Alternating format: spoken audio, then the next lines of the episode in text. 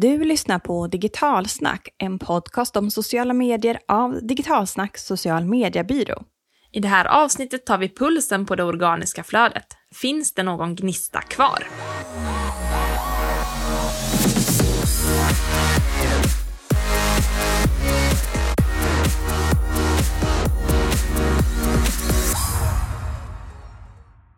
Hej och välkommen till Digitalsnackpodden. Det här är podden som ger er vettiga tankeställare.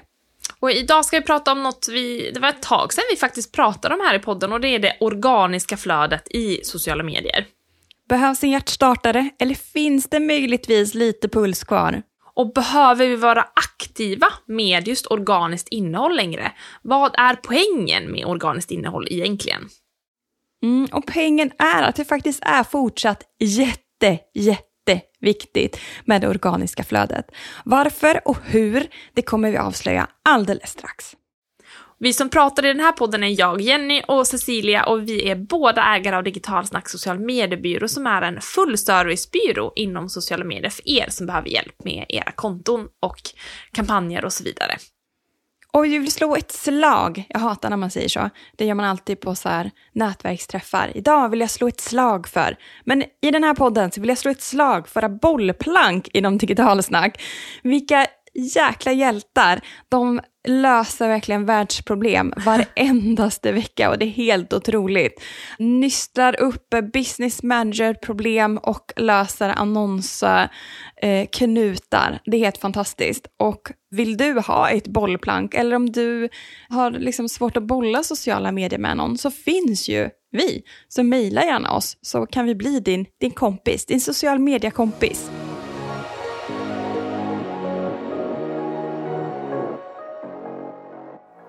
Så den stora frågan, vad är organiskt content egentligen? Ja, men det är ju innehåll som inte har en betald peng bakom, det vill säga att man har inte sponsrat det eller inte heller en annonskampanj, utan den går ut helt obetalt utan betalda medel. Det är organiskt innehåll. Mm. Jag brukar säga att organiskt innehåll är det som syns. Och vad man ser i liksom, flödena i dina egna flöden och annonsering är det som du inte ser i dina egna konton. För det liksom, styrs av andra parametrar. Och 2013 så skrev jag en krönika och där pushade jag väldigt mycket att det behövs en social media-strategi numera eftersom man bara nu når ut till 30 procent av dina följare. Och så här 2021 så känner man herregud vilken guldgruva. Och då kände man sig 2013 att det var så här, det var sent att hoppa på sociala medier eh, och börja liksom bygga på det här organiska flödet. Och det är ganska fantastiskt hur, hur snabbt det är och hur, hur mycket förändras och hur mycket liksom arbetsprocessen kring sociala medier behöver vara föränderlig. Idag hade man säkert typ dödat för 30% för att nå 30% av sina följare. För statistik från We Are Social visar faktiskt att det är ungefär 5,20% av sina följare man når. Och det är ju en sjättedel av vad man nådde då, 2013. Eh, så idag, med sin Facebook-sida, dagligen så når man ungefär en av 19 följare. Och då innebär det att det är en av 19 följare som ser ditt organiska content. Mm. Och kanske det här som gör att väldigt många stora varumärken väljer att engagera sig på andra plattformar när det kommer till organiska poster. Om man tittar man på företag som Apple, Visa, Adidas, de har i princip gett upp att posta inlägg på Facebook. För när de gör det så ja, men deras fans är liksom inte där. De har lämnat för de har, eh, de har varit för ointressanta för, under så lång tid. Så de har liksom gett upp på Facebook och tittar på andra plattformar. Och eh, tittar man på Tesla så har inte ens de en Facebook-sida. Men däremot så verkar de flesta ha en mer aktiv närvaro på Instagram och andra, YouTube och TikTok till exempel. Men jag skulle säga att även där så är de här stora varumärken inte jätteinspirerande med sitt content. Man kan ju då ställa sig kanske frågan att, att hur kommer det sig då att sådana stora varumärken väljer bort det organiska innehållet? För man kan ju tänka att de med enorma budgetar och liknande borde ju verkligen sitta på bra kunskap och veta hur man gör det här och så vidare. Och då ställer man sig då frågan att om de gör det, de som ska kunna det här och är så stora, är det då en strategi även jag som företagare eller jag som marknadsförare eller kommunikatör eller vad du sitter på nu för roll borde anamma i strategin för just det företaget som du är på? Mm. Hur är det? Precis, och svaret är nej. Inte kanske, inte det beror på, utan bara nej. För en gång skulle det enkelt. ja, precis. För i slutändan så blir det billigare att ha en bra organisk närvaro än att vara helt utan. Mm. Och nu så ska vi då berätta om vilka delar som faktiskt påverkas när du stryper den organiska räckvidden. För det är inte, ja men det är, det är så supertydligt som Cecilia säger, det handlar inte om kanske, utan det finns faktiskt saker som påverkas jättenegativt när man slutar publicera organiskt. Och nu går vi igenom dem, så får du veta. Mm. Och det första jag tycker är lite intressant att titta på sociala medier och målgrupperna som man har på sociala medier, för de är ju olika behov av olika saker.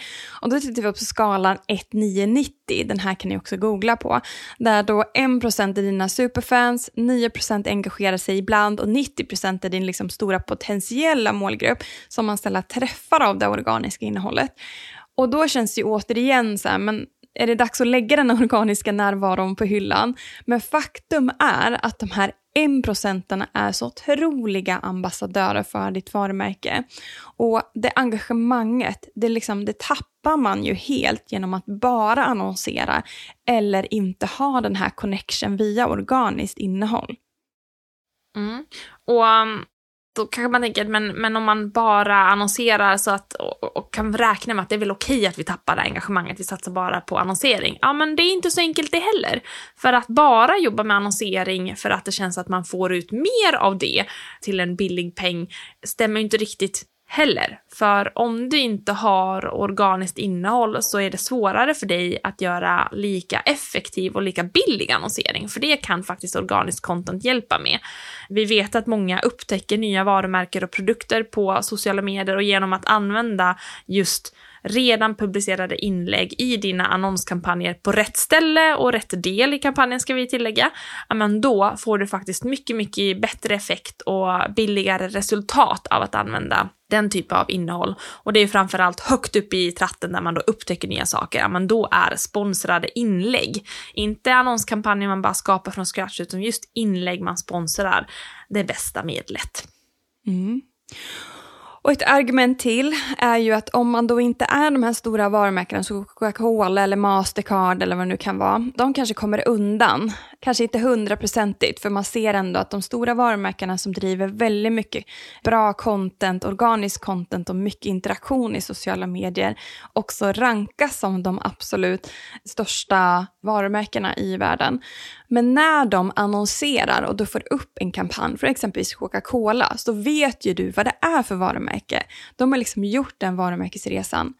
Vi har ju inte riktigt den lika förspänt, utan vi har ju alla säkert som lyssnar här varumärken som vi alltid måste fortsätta varumärkesarbeta. Och det gör att när vi annonserar med köpta medel på sociala medier så kommer man bli lite nyfiken på vilka vi är om man inte har koll på oss innan. Och då klickar man in på våra sociala kanaler och tittar på de här organiska flödena. Och vad är då första intrycket av vårt varumärke?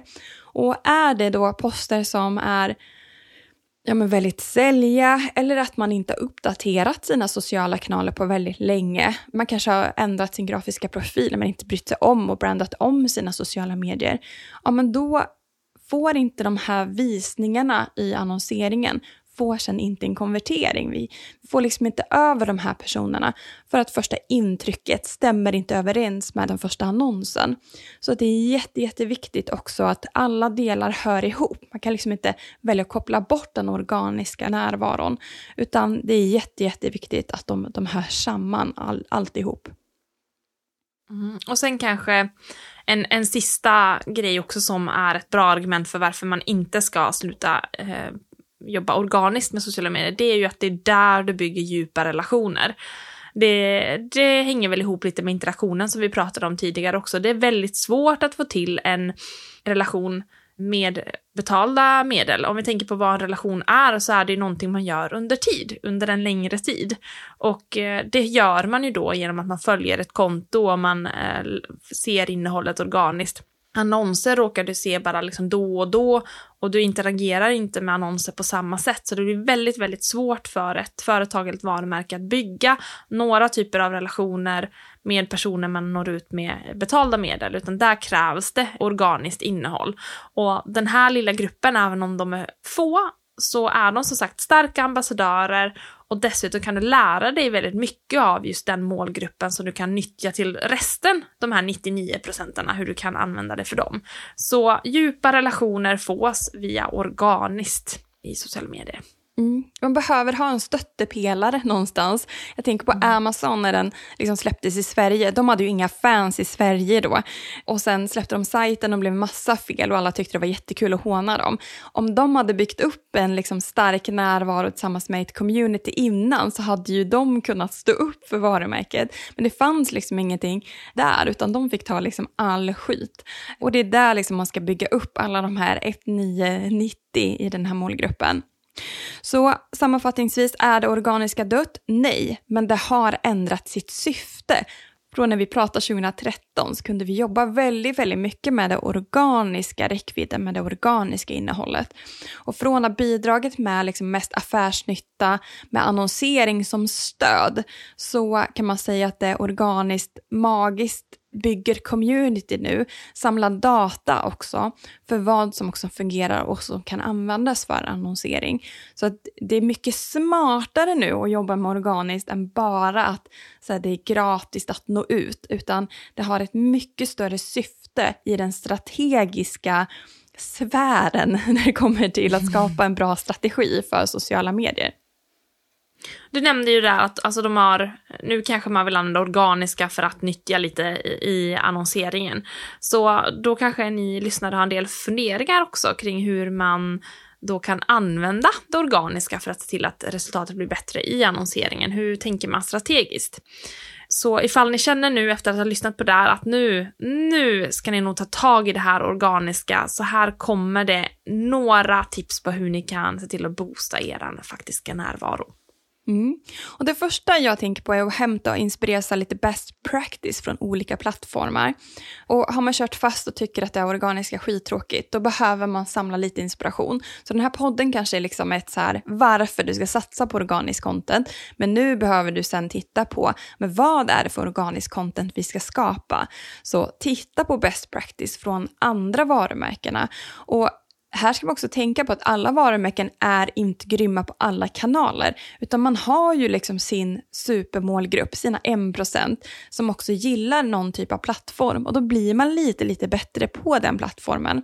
Så tänk inte att ni ska välja ut ett varumärke och sen titta på alla plattformar hur de gör, utan välj best practice för varje enskild kanal för att också plocka de här guldkornen och, och titta på hur content också skiljer sig mycket för de olika plattformarna.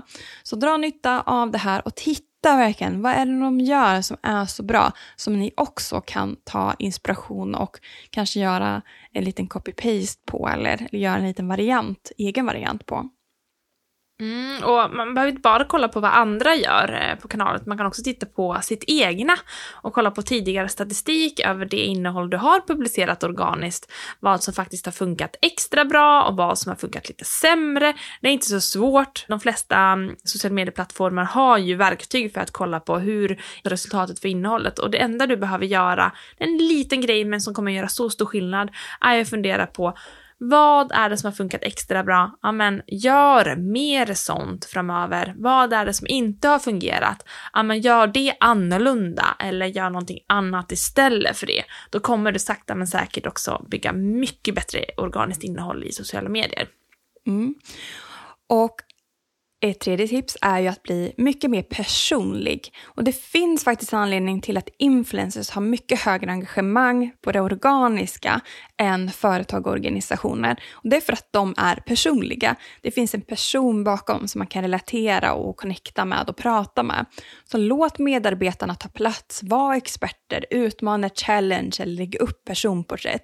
Signa varje liksom, eh, inlägg med att det här är Jennys tips eller Frida var ute i eftermiddags, inte bara här en fin bild från våran bakgård, utan försök göra kommunikationen så personlig som möjligt så att det känns som att det är lättare att liksom nå ut och connecta på sociala kanalerna.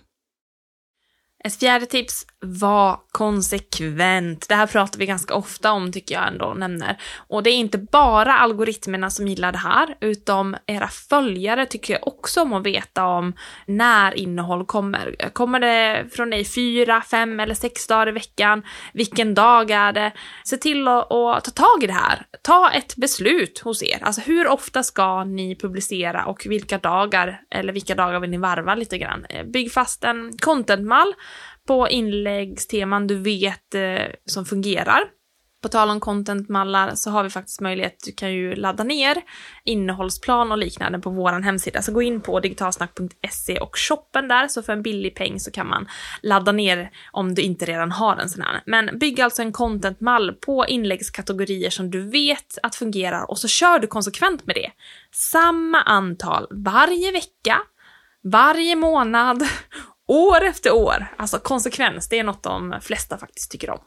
Mm, och när du säger det, då tänker jag på det här poddavsnittet som vi gjorde för något år sedan som hette När det roliga har blivit ett jobb. Ja, och den rekommenderar vi, för det är ett ibland monotont arbete i sociala medier. Det är mycket planering, det är mycket liksom strategiskt arbete. Inte alltid så här superkul, fluffigt och liksom kreativt.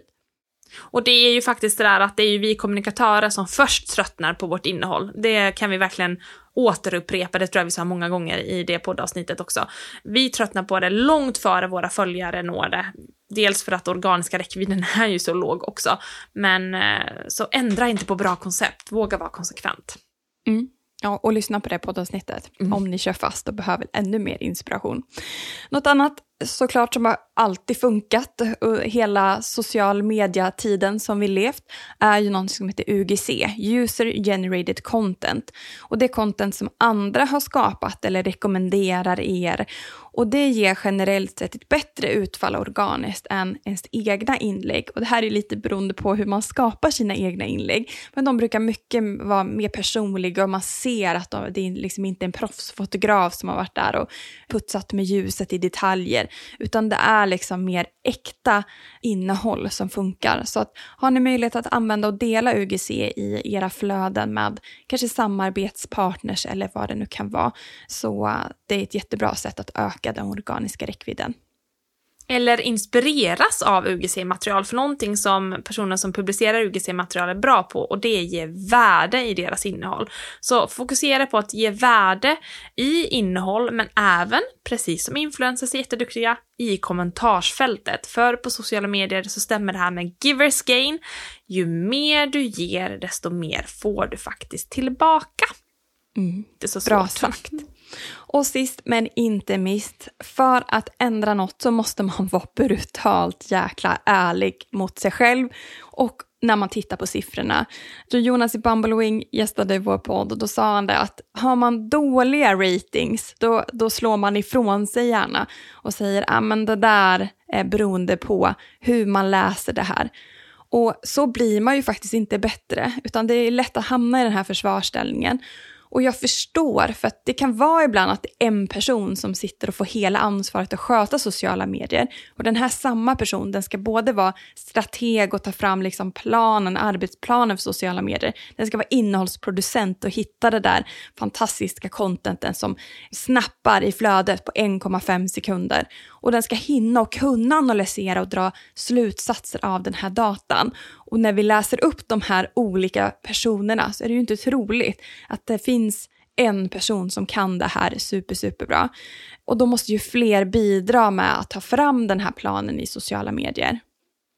Och jag tror inte, alltså om du, eh, alltså man är ju inte dålig person eller dålig på sitt jobb bara för att resultatet är dåligt. Så ta det inte så personligt heller. Du gör ditt bästa. Du kanske bara inte hittat receptet än för det som fungerar. Så ta det inte personligt om resultatet är dåligt.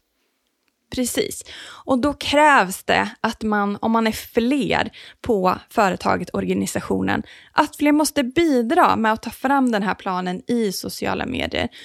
Det vi gör, det funkar inte nu, men vad ska vi testa istället? Är vi alla med på den här planen nu? Det är inte ens ansvar att social media närvaron flyger, utan det är ett gemensamt ansvar på företaget som kan komma med idéer.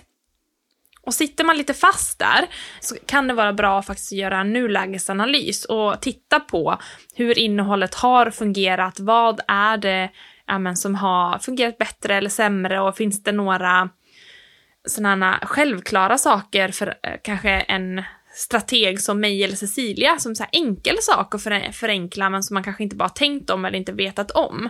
Genom att göra en nulägesanalys, alltså antingen själv om man klarar av att göra det eller ta hjälp av någon annan att göra en, så får man en ren objektiv bild av hur det ser ut och ofta också smarta tips, i alla fall vi ger, rekommendationer på vad du kan göra annorlunda som kommer göra det som alltså natt till dag.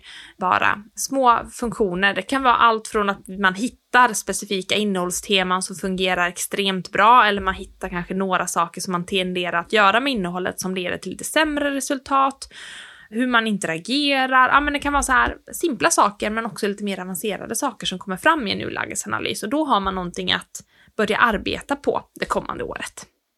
Jag citerar de så senaste kunderna som jag skickat ut en nulägesanalys. De tar ett djupt andetag och nästan suckar av så längtan efter att det var ju det här som vi behövde att de inte behövde liksom gissa sig till utan de får lite så svart på vitt att men så här ser det ut just nu, vad är det ni vill förändra? Och det är ganska skönt att få ett avstamp någonstans, någon annan har tittat på det utifrån ett annat perspektiv. Så att den är jätte, jättebra. Och efter man har tagit fram eller mm, tagit hjälp och gör den här nulägesanalysen samlar man det här teamet och gör liksom en tydlig agenda, sätter mål för mötet, vad det liksom är man ska komma fram till och sen sätter man den här planen tillsammans. Och har man inget team, sitter man ensam där på kontoret, så finns faktiskt vi på Digitalsnack eh, och vi kan vara en hjälpande hand och ge dig stöttning i att göra det här.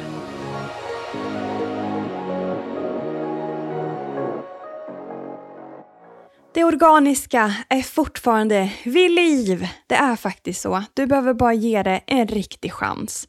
För även om det inte ger den effekt som tidigare så är det fortfarande en viktig, viktig del för att lyckas med sociala medier.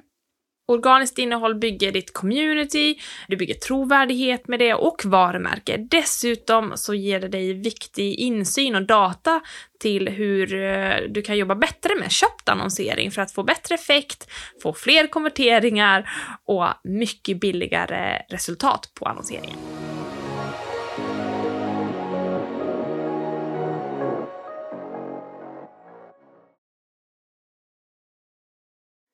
Tack för att du har lyssnat på det här avsnittet av Digital Snack social media-podd. Gillar du det här avsnittet så får du gärna sprida ordet vidare, alltså tipsa om våran podd till någon eller gilla det du ser i organiskt i sociala medier. Tack för din kärlek, det uppskattar vi. Tack och hej!